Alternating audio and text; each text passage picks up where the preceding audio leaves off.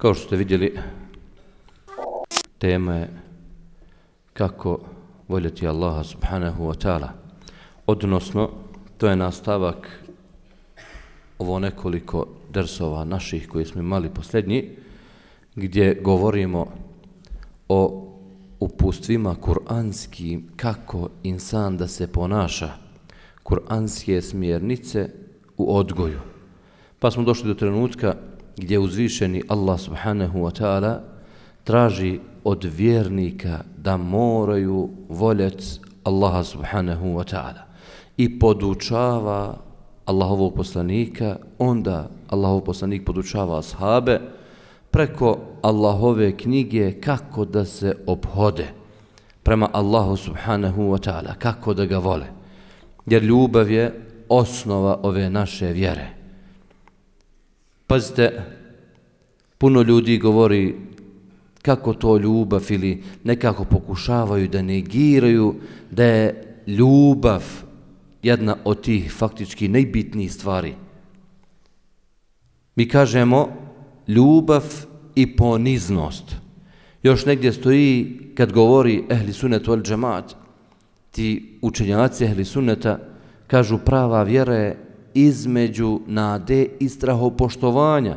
To je jedna stvar ili straha od Allaha subhanahu wa ta'ala. Međutim, džaba insan sve ovo da radi, džaba insan da se muči, džaba insan ako nema ljubavi prema Allahu subhanahu, subhanahu wa ta'ala. Znači, ljubav moramo da razvijemo. I puno puta kad neko hoće nekog da uči nekim propisima vjere, ne treba plaho da ga uči odma nekim propisima vjere. Prvo što treba da ga nauči jeste da zavoli Allaha subhanahu wa ta'ala, da zavoli Muhammeda sallallahu sallam, da zavoli vjeru, a onda će doći rezultat svega toga. Vi znate da kad je u pitanju ova dunja lučka ljubav, kad je u pitanju da momak voli djevojku ili djevojka momka, kad je u pitanju da insan radi Allaha, što kažu, voli insana, puno stvari radi što tamo ta drugi neko koga on voli, što kažu želi te stvari ili, ili on voli te stvari, pa onda osoba čak i neke stvari nisu ti drage, ali da bi udovoljio toj tamo osobi koju voliš, onda radiš neke određene stvari. Tako bi trebalo da bude i sa nama, kad je u pitanju uzvišeni Allah subhanahu wa ta'ala. Ako ga volimo, treba da radimo i da dokažemo šta je zapravo zapravo ta naša naša ljubav prema njemu da dokažemo našim našim djelima. Uzvišeni Allah subhanahu wa ta'ala opisuje prave vjernike. Pa opisuje prave vjernike, odnosno pravi jedno upozorenje i opisuje kakvi su vjernici. Upozorenje glasi Ja ledine amenu, o vjernici, me jertedde minkum andini, ko se od vas odmetne od vjere. Znači, nemoguće je da, da se niko nije odmetnuo. Ili da ljudi ne popuste, da ljudi ne nađu neki novi pravac u datom trenutku. Puno ljudi krene, krene, krene, pa onda odjednom ga nema, sve to batali. Pazite, sa tim ne može da naudi ni Allahu subhanahu wa ta'ala, niti može da naudi vjeri, niti može da naudi bidni lahi ta'ala vjernicima, Ko može da naudi samo sebi. Samo sebi pravi, pravi problem u svemu tome. Jer u hadisima stoji gdje kaže Allahov poslanik Muhammed sallam kad bi bili svi ljudi kao najbogobojazni čovjek na svijetu to Allahu ništa ne bi doprinjelo to Allahu ništa ne bi doprinjelo s druge strane kad bi bili svi kao najgori čovjek na svijetu to Allahu ništa ne bi oduzelo. Kome to šteti? Nama. Kome je dobro ako smo dobri? Nama. Ništa mi nemoj neko da se umišlja ako mi to sad vjerujemo u Allah i praktično mi to nešto Allahu subhanahu wa ta'ala činimo nešto to da bude još uzvišeni ide. On je Allahu ekbar, najuzvišeni. I nema potrebe ili ne može da bude i uzvišen, ne, to, to se ne spominje, nego on je najuzvišeni. Htio ti ili ne htio, htio ja ili ne htio. I nemamo potrebe mi to na takav način da se da se obhodimo. Kažu uzvišnji Allah spantara, ko se odmetne? Feseufe je ti bi qawm. Allah će nakon ti što odu, nakon ti što napuste vjeru, feseufe je ti bi qawmin yuhibbuhum wa juhibbune. Pa Allah će doći sa ljudima, izvešće druge ljude, druge generacije, koje će volet Allaha subhanahu wa ta'ala i on će volet njih.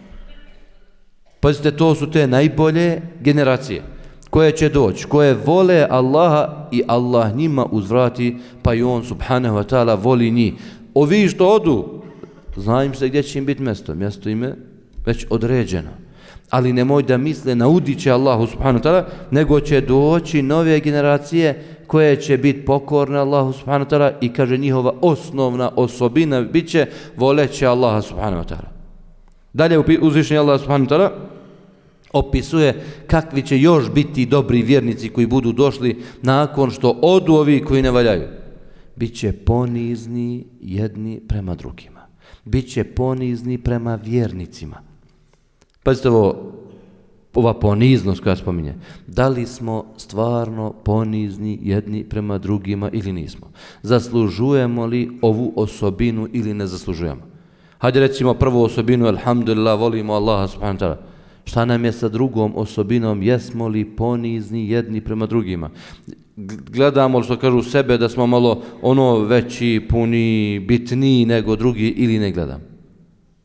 Mnogo bitna stvar, ovdje čovjek da podvuče crtu i da kaže borit ću se da imam i ovu drugu osobinu. Da budem ponizan prema ljudima.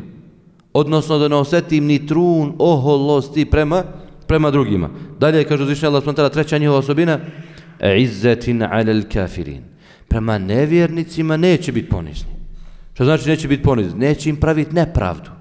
Neće im praviti zulum. Ali neće osjećati tu poniznost kao što osjećaju prema svojoj braći, prema svojoj braći i vjernicima. Dalje što spominje, borit će se na Allahovom subhanahu wa ta'ala putu i neće se bojati ničijeg prijekora. Pazite, posljednja stvar koju ćemo, da, što kažu, duzmemo iz ovog koranskog ajeta, neće se bojati ničijeg prijekora. Ovdje sad kad insan hoće da praktikuje Allahovu subhanahu ta'ala vjeru, ne treba da se boji ničijeg prijekora. Međutim, dođe situacija kad ima nešto da se bira u šerijetu. Šehul Islam Ibn Taymiyyah, brate, pažnju kako je taj čovjek u tom njegovom vremenu, što kažu, prevazišao sve druge. Kažu, pravi učenjak, pravi alim jeste onaj koji od dvije dobre stvari poznaje onu koja je bolja i uzme da radi onu koja je bolja i od dva zla vidi koje je veće zlo pa pobegne od toga zla lako je kad ti imaš dobro i zlo da vagaš imaš ovdje, ovo ti je, ne znam ti, direktno znači nudit će tebi, nudit će muslimanima, nudit će vome, sve je to dobro. Drugo vamo vidiš ovo lijepo prolazi, dobro ima tu dobra provođa. Lako je meni tu izvagam šta ću dobro i zlo. Mislim kad se pojave dva dobra, a ti da zabereš bolje koje će biti manje, što kažu štete, ili neće, neće napraviti problema. Ili drugo zlo kad dođe, zlo, opet imamo dva zla, odnosno prva stvar koja će više pomoć ljudima i da bude i za sebe dobra i za druge dobro. I druga koja će biti opasnija, da ukloniš onu koja je opasnija. Koja je opasnija? E kažu, to je pravi učenjak da gleda. Ne treba čovjek zbog nekih sitnih stvari sad dostavi krupne stvari. E samo što nekad šeitan ti zatvori oči pa ti ne vidiš da li je to krupno ili sitno, nego teraš svoj njat. Teraš svoj njat. I onda preko tog injata ne da ti šeitan da otvoriš oči da vidiš dok ne udariš glavom. Kad udariš glavom, onda dođe situacija pa čovjek kaže, e šta mi je ovo htjede, mogao sam bez svega ovoga u hadisu Allahog poslanika Muhammeda s.a.v. koga bilježi imam Buhari, stoji da je Allahog poslanik rekao Thelathu men kunne fihi vođede bihinne halavetel iman. Tri stvari ko bude posjedovao, osjetit će pravu slast imana. Pazite ove tri stvari mnogo bitne.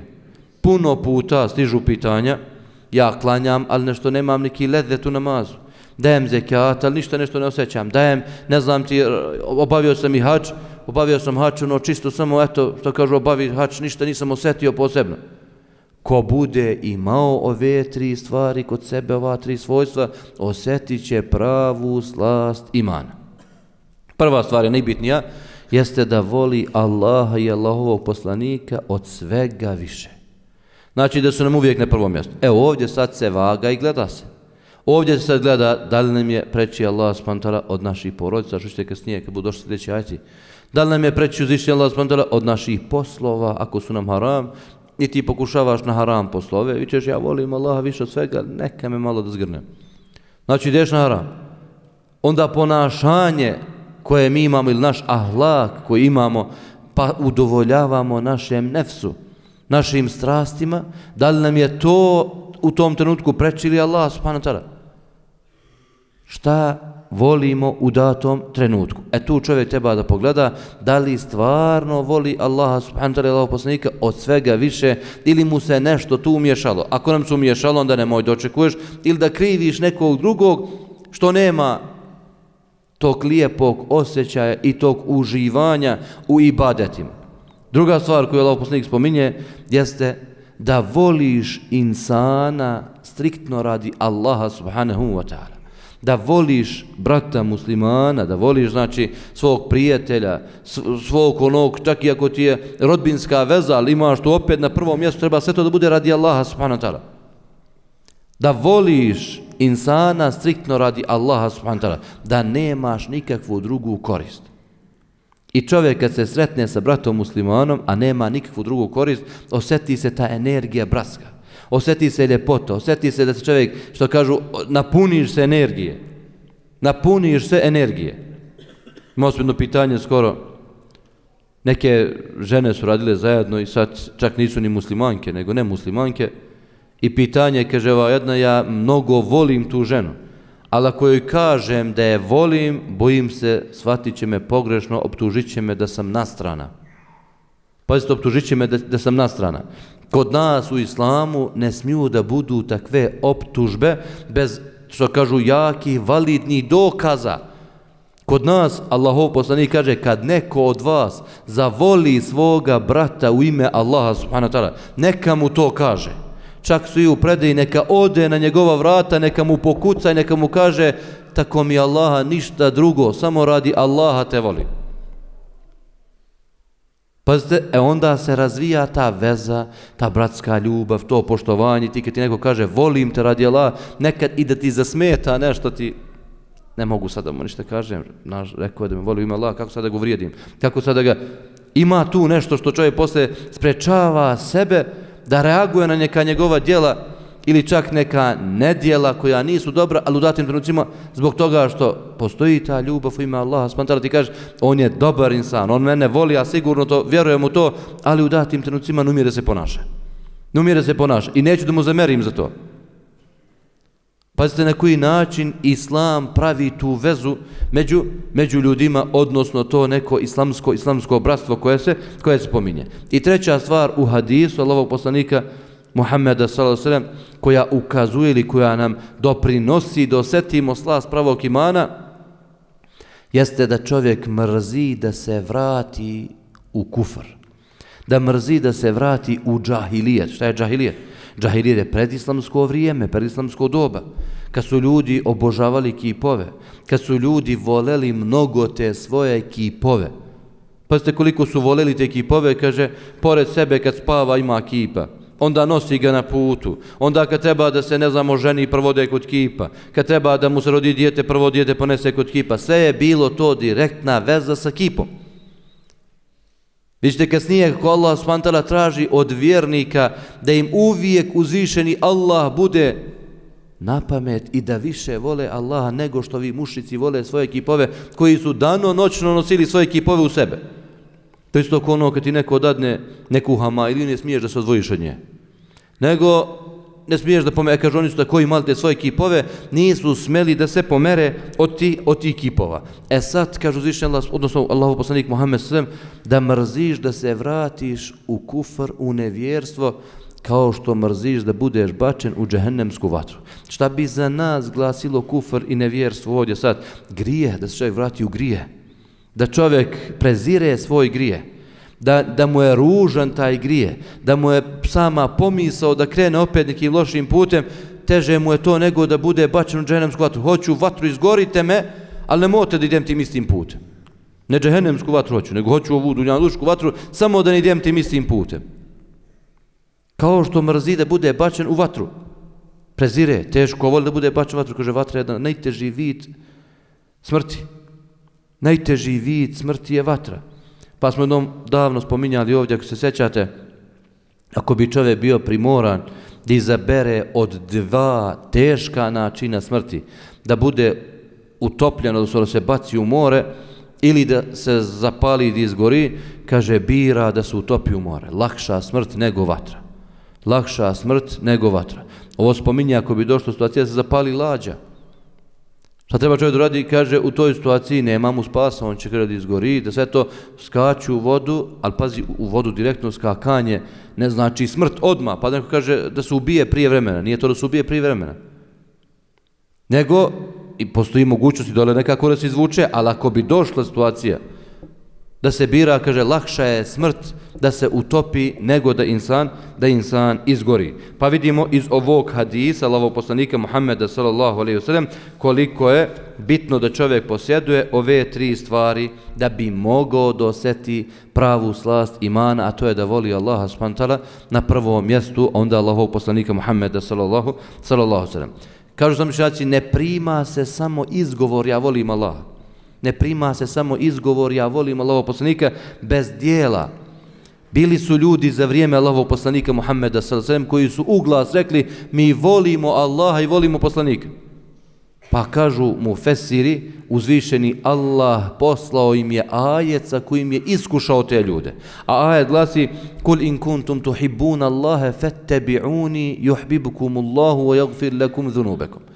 Recite, vi što kažete da volite Allaha, recite, ako kažete da volite Allaha, onda mene slijedite, odnosno slijedite Muhammeda sallallahu alaihi sallam, jer Muhammed se obraća tim ljudima, mene slijedite, pa će vas Allah zavoljeti i grijehe vam oprostiti. oprostiti. Znači prvi ispit jeste ako neko kaže ja volim Allaha smantala, da vidimo šta slijediš od vjere. Šta imaš ti od svojih dijela, šta ti radiš kao vjernik, čime se baviš, je ti sve u životu haram ili ti je u životu halal. Pa onda da vidimo da li ti stvarno voliš Allaha subhanahu wa ta'ala ili samo izgovaraš, izgovaraš da voliš, da voliš Allaha subhanahu wa ta'ala. Dolazi čovjek i kaže, o Allahov poslaniće, meta sa'a, kad će sudnji dan? Pazite, Allahov poslanik se prišute. Nije mu odmah odgovorio Allahov poslanik. Kad će sudnji dan? Nije mu odmah odgovorio. Ne zna Allahov poslanik kad će sudnji dan. Pa onda kad je taj čovjek otišao, kaže Allahu gdje je onaj što je pitao? Pa se vratio čovjek. Kaže Allahov poslanik, a šta si ti spremio za sudnji dan? Šta si ti spremio za sudnji dan? Pa se kaže čovjek, Olov poslaniće, nisam spremio mnogo namaza, niti mnogo posta. Ima neko da misli, farzove nije spremio. Farzovi moraju da se spremio. Nego nisam dobrovoljnog namazi, dobrovoljnog posta mnogo spremio. A farzove ne može da prođe. Jer drugi hadis, gdje dolazi čovjek i kaže, o poslaniće, kaži mi šta da radim da uđem u dženet. Pa mu kaže Allahov poslanik, pet dnevnih namaza, ali mu kaže farzove, dobavlja. Pa mu kaže samo ono što je od farzova, nabrajamo Allahov poslanik. Kaže, niti ću dodat, niti ću oduzet, kaže ovaj čovjek. I ode. Kaže Allahov poslanik, ako bude kazao istinu, da neće ni dodat, ni, ni oduzet, ući ću u dženet. E sad, dženet ima svoje dereče. Dženet ima svoje dereče pa ko hoće da se penje i da ima bolje dereče, on će više da radi dobrovoljnih namaza, dobrovoljnog posta, dobrovoljnih badeta, sadak i tako dalje. Jer kako kaže Allahu poslanik Muhammed sa svem, u dženetu ima mi etu deređe. Ima stotinu deređa. Pa ste sto stepeni. Razno, razno će biti. Pa oni koji su na gornjem stepenu, znaće da imaju ljudi koji su ispod njih. A ovi od ozdo neće žudet za onim što je gore. Ovi sa doljnjeg stepena neće žud, ali neće imati blagodati ko što imaju ovi gore ove blagodati. Allah spantala je svakom svoje mesto odredio i dao mu ono što mu je najbolje, najbolje na tom, na, u, tom, u tom trenutku ili, ili u tom njegovom dijelu, dijelu dženeta. I kaže čovjek olov poslaniće, nisam spremio mnogo namaza, niti mnogo posta, ali volim Allaha i volim Allahov poslanika. Pazite, iskrena ljubav prema Allahu subhanahu ta'ala, iskrena ljubav prema Allahovom poslaniku. Kažemo Allahom poslanik, inneke ma'a man ahbab. Ti ćeš biti sa onima koje voliš. Ti ćeš biti sa onima koje voliš. Pa kažu ashabi, nismo se ničemu obradovali od kako smo primili islam, kao što smo se obradovali, obradovali u ovom hadisu. Nismo se ničemu obradovali. Znači mi volimo Allaha, ashabi su govorili, mi volimo Allaha, volimo Allaha poslanika, bit ćemo ako Bog inšala sa njim uz još djela koja budemo, koja budemo, budemo radili. Također, kad čovjek spominje još ajeti koji govore, e, šta, šta čovjek, gdje, su, gdje mi to griješimo? Ajet koji govori kad čovjek pogriješ ili, ili da prednost nečemu što ne treba, izgubi se ljubav prema Allahu subhanahu wa ta'ala u potpunosti, ta prava ljubav. Vi znate kakva je bila ljubav Ibrahima a.s. prema uzvišnom Allahu subhanahu wa ta'ala. Ibrahim je bio poseban, zato je i dobio nazimak, nad, nadimak Halilullah. Halilullah, miljenik Allahov subhanahu wa ta'ala. Pazite, kad je htio dijete da zakolje ono što mu je najdraže, ono što mu je, što kažu, dio njegove džigerice, ono koje je čekao godinama da se pojavi, htio je da ga žrtvuje radi Allaha subhanahu wa ta'ala. E sad čovjek ovdje da vidi gdje smo mi u svemu tome. Uzvišnji Allah subhanahu wa ta'ala kaže Kul in kane aba'ukum. Reci, ako su vam očevi vaši, pa onda nabraja sinovi vaši, i braća vaša, i rod i žene vaše, i kuće vaše, i trgovina vaša, ako su vam draže od Allaha subhanahu ta'ala, vaša bogatstva, i od borbe na Allahovom putu, onda čekajte da Allah svoju odredbu donese, Allah neće uputiti na pravi put griješnike. Kažu, pazite, ovdje Allah je postavio sve i prije što kažu što ne bi smelo da se pomiješa sa njegovom ljubavljom. Ne smije da se pomiješa. Znači opet volim porodicu, volim djecu, volim roditelje, volim novac, volim kuću, sve je to jedna stvar, ovamo je posebna stvar. Jer kažu insan ne može da svoje srce očisti u potpunosti od ljubavi prema Dunjaluku. Mnogo je teško. Uvijek ima nešto da čovjek na ovome Dunjaluku voli. Pa se kaže Allahov poslanik Muhammed Sazem, Hubibe ilije min Dunjakum. Što se tiče vašeg Dunjaluka, ja volim, pa onda šta voli Allahov poslanik? Znači, dato mi je da volim žene i mirise. A odmor moga oka, radost moga oka, sreća moja je u namazu. Znači, Allahov poslanik je nešto volio od ovoga svijeta. Kažem, nemoguće je da nešto sto posto kaže, ne, ne, moje srce je da baš ništa ne voli od ovoga svijeta čovjek malo ogladniji, pa mu se neka lijepa hrana, uf, uf, što je dobra hrana, uf, to je, znači, odmah si nešto voliš, voliš tu hranu, ogladniješ, nije bitno. Uglavnom, nemoguće u potpunosti, ali samo je bitno da se ne miješaju ove dvije, ove dvije ljubavi. Kažu islami učenjaci, kad pominju vjernike, vjernici kad je u pitanju uzvišnji Allah i ljubav prema njemu su na tri stepena, odnosno tri kategorije. Prva kategorija jeste ona koja obavlja sve nafile. Pazite, nafile obavlja. Bori se preko nafila, preko dobri, što kažu tih dijela, pored farzova i vađiba, obavlja na file. Čuva se mekruha, pored toga što se čuva harama, zabranjenih stvari, čuva se mekruha. Kaže, to je najbolja kategorija, to su poslanici i oni koji su u vrhu gore do poslanika. Druga kategorija, kaže, oni koji nekad znaju da propuste određene sunnete i rade određene mekruhe, ali čuvaju vađibe i farzove. Čuvaju vađibe i farzove. Klone se harama, a upadnu nekad u neki mekruh. Pa ima mnogo mekruha, mi dnevno kad bi bojali, brojali mekruhe koje učinimo, to je znači mnogo, mnogo. Ali imaju mekruhi koji kad se više puta ponavljaju, kaže ne prelazu haram. Zato čovjek ne smije ni na mekruh da ustraje nego se desi čovjek učini nekad neki mekruh. Ali to ne znači da čovjek sa tim gotovo, sad je propao. Taj mekruh briše, estagfirullah jarab. Taj mekruh briše sada koju podili na ovom putu. Taj mekruh briše lijepa riječ. Taj mekruh briše dobro djelo koje čovjek učini nakon, nakon njega. Kaže, ovo su pobožnjaci, ovi koji, koji se ovako ponašaju, brate pažnju, koji ponekad ostavljaju na file i ponekad upadaju u, har, u mekruhe, to su kaže, pobožnjaci ljudi pobožnjaci, salihun, dobri, pobožni ljudi. i loši ili ta posljednja kategorija jeste kategorija koja ostavlja farzove, ne interesuje farzovi i čini harame, oni su na tom najtanjem ili najnižem, najnižem stepenu kad je u pitanju vjera i kad je u pitanju ljubav prema Allahu subhanahu, subhanahu wa ta'ala. Malo čas sam spomenuo koliko su mušrici vodili računa o svojim kipovima i volili, voleli svoje kipove. Isto ko Hamailija, znači to je direktno tako bilo urađeno. Njima je kip bio Hamailija. Sve što im je trebalo, moralo je kod kipa da se ode, hoću li na put, kaže prvo pita kipa da mu kip kaže hoće li na put ili neće na put. Hoće li ovo, ne znam, sanju, ovo dođe kipovima priča, tu se njima ispovijeda, to je, znači, Uzmite sad ljude koji nose Hamalije po 20-30 godina, skoro neko pokazio jedan klip, kaže čovjek 40 godina nosi Hamaliju, šanse nema da mu uzmeš. Gine, ne daje i slučajno, kada odmah ću da umrem ko mi uzmete Hamaliju. Znači on se privezo za to i završeno. E tako treba da se priveže za Allaha subhanahu wa ta'ala, a ne za Hamaliju. Ne za ništa što je materijalno na svijetu. Hamalija je materijalna. Prvo da se otvori, Allah najbolje zna što ima unutra. Jer u 99% tih Hamailija neispravne su, nema ništa unutra. Hajde i kad kažem neispravno su, mislim, napisano, odnosno nije ništa napisano, prevar obična. A i to što se napiše oko toga opet razilaženje smije da se nosi ili ne smije. Ja čist mišljen da ne smije da se nosi uopšte. Hamajlije kažem da ne smije koja je šta? Koja harfovima, arapskim, Kur'an i hadis, tako dalje, ne treba da se nosi. Ne smije da se nosi. Kažem, ja če mišljen ispravnije. Skoro sam čuo da su bili neki dersovi oko Hamailija. Ljudi pričaju i kada to treba, to čuva, to ne čuva, to Allah čuva. I kogod kaže Hamailija čuva, mnogo opasna stvar, mora da učini širk, da izađe iz vjere.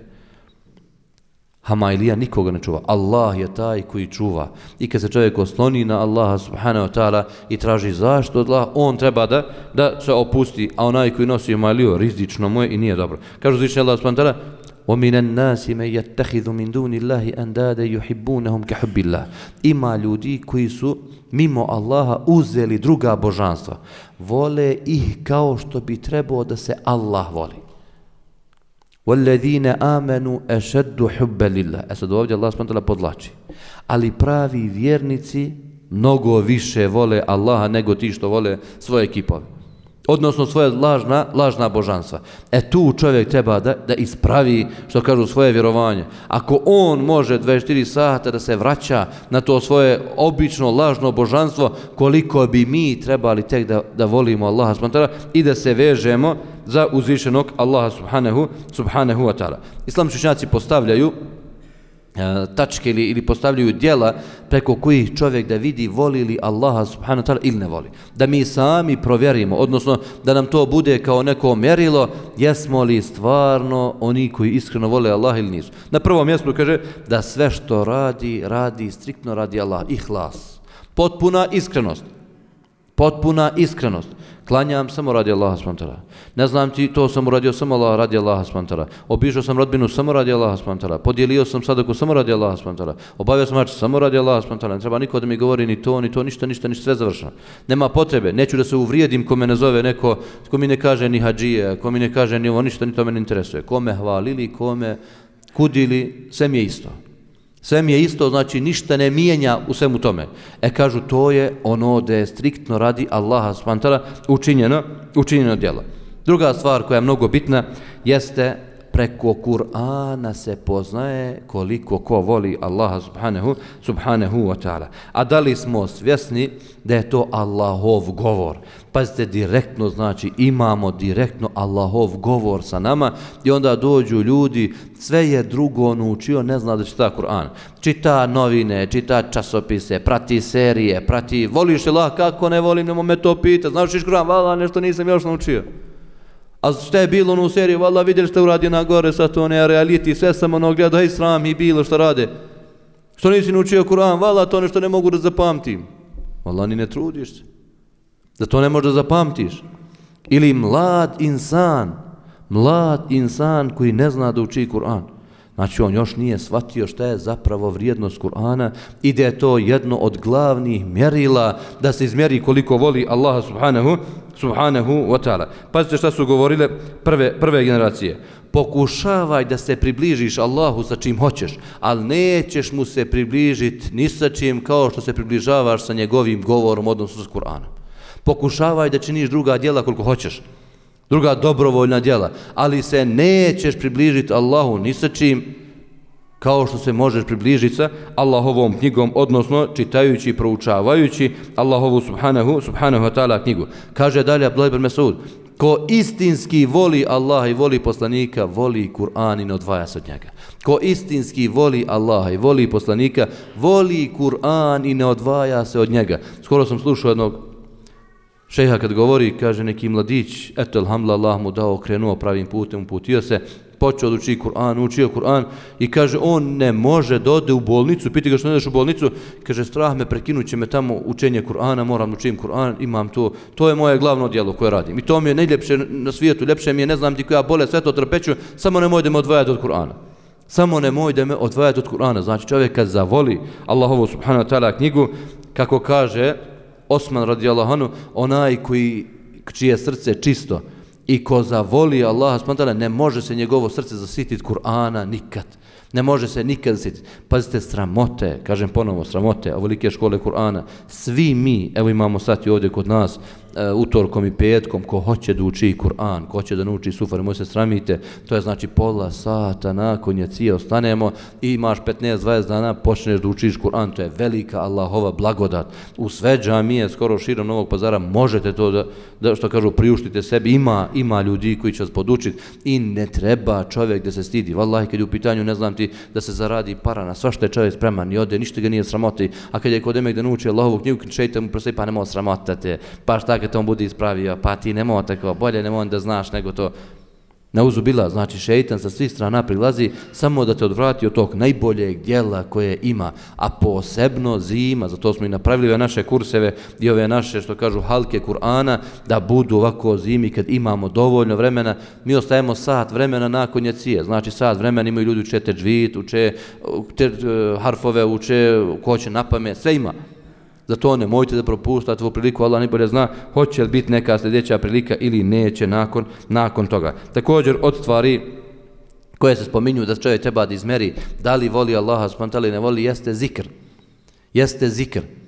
Jedan od Selefa kaže, vallahi ja znam kad me Allah voli. Pa ga pitaju i kad? Kaže, kad ga spominjem, jer ja se njega sećam, Allah spontali u Kur'anu kaže, fedh kuruni, edh sjetite se vi mene, pa ću ja vas setiti. Svaki put kad se ja sjetim da zikrim i da izgovaram, znači la ilaha illallah wahdahu la sharika lahu subhanallah alhamdulillah allahu ekber tako dalje, znam da me Allah subhanahu voli jer ne bi me nadahnuo u tom trenutku da izgovaram to da me ne, da me ne voli. E sad čovjek opet da se preko zikra, preko zikra pogleda šta i kako. Kažu dalje, od stvari, ako hoćeš da vidiš voli te Allah te ne voli, pet dnevnih namaza u džematu. To su osnovne stvari. To su osnovne stvari. Onda, od tih stvari jeste i ostale nafile da se čovjek približava Allahu subhanahu wa ta'ala preko nafila, da prati dersove i da se druži sa pobožnim ljudima, da savjetuje ljude, da sabori na iskušenjima koje mu je Allah subhanahu wa ta'ala dao. U hadisu kaže Allahov poslanik Muhammed sa sam hadis kuci neće se rob približiti Allahu ni sa čim dražim nego sa farzovima. Farzovi su znači najbitniji. Farzovi smo rekli šta su farzovi? Pet dnevnih namaza, hač, post, tako dalje. Nakon toga, kaže, neće čovjek prestati da se Allahu približava preko nafila. Non stop se Allahu približavaš nakon, preko nafila, ali kad završiš sa farzovima, sve dok uzvišeni Allah subhanahu wa ta'ala ne postane oko kojim čovjek gleda, ne postane uho kojim čovjek sluša, ne postane ruka kojom čovjek dohvata, uzima, ne postane nog kojom korača, pa kad zamoli Allaha, Allah mu da, kad zatraži pomoć, Allah mu pomogne. Pazite hadis koji unosi veliku radost u srcima, u srcima vjernika koliko treba insan da se da se pozabavi. Kaže onaj koji hoće da se, što kažu, zapita šta je sa njim, suprotno ovome treba da bi, da bi video da li voli, odnosno koliko je slab u ljubavi prema Allahu spantara, da voli da, da ga ljudi vide kad radi djela, znači da se pretvara. Onaj koji se pretvara neka zna da njegovo srce nema ništa sa Allahom subhanahu wa ta'ala. Onaj koji zapostavlja Kur'an neka zna. Onaj koji ostavlja farzove neka zna da nema ništa sa Allahom subhanahu wa ta'ala. Onaj koji je u gafletu kad je zikr neka zna i to da nema, znači da, da, da, da je ljubav pala kad je u pitanju ljubav prema Allahu subhanahu wa ta'ala. Onaj koji se bavi ogovaranjem, prenošenjem i tako dalje neka zna da od njega nema, nema ništa. Još jedan primjer tu završavamo navodi se da su ashabi, drugovi Allahov poslanika, čuli jednog od njih, od ashaba, koji svaki put kad krene da im predvodi namaz, prvo počne da uči suru Kul Huvallah, prouči suru Kul Huvallah, pa onda uči neku drugu suru. Primjer, sad dođe čovjek, krene, hoće da, da klanja saba namaz. I završi Fatihu, nakon Fatije, Kul Huvallahu ahad, Allahu samed, lem je litv, lem je ut, lem je kullehu kufan, nakon toga krene da uči suru Bekara. I tera suru Bekara, tera. Pa su sahabi rekli, ovaj čovjek se nešto čudno ponaša. Hajde vidimo šta ovo rade, pitamo Allahu poslanika Muhammeda, sallallahu sallam. Pa su pitali Allahovu poslanika Muhammeda, sallallahu alaihi wasallam, kaže Allah poslanik, taj, taj čovjek radi to. Kaže, dovedite ga. Pa ga pita Allah poslanik, zbog čega to radiš? Kaže, vallahi, ništa drugo nego volim ovu suru koja spominje sifate Allahove spontara, koja uzdiže uzvišenog Allaha spontara. Reci, Allah je jedan, Allah je utočište svemu, nije rodio i rođe, nije i nikomu rava nije. Pazite, i nikomu, i nikomu rava nije. Pa ga Allahov poslanik Muhammed s.a.v podržao i kaže obavijesti ga da ga Allah voli. Odnosno obavještava ga da ga uzvišeni Allah subhanahu ta'ala voli za to što je ovako se ponašao i veličao Allaha subhanahu, subhanahu wa ta'ala. Ima još mnogo stvari, ali osjećam malo kod je vrućina, malo vidim ljudi pospani. Uglavnom, nastavit ćemo ako Bog dinša, ali nekom drugom prilikom. Allah da dao kod dobro. Selamu alaikum, slabo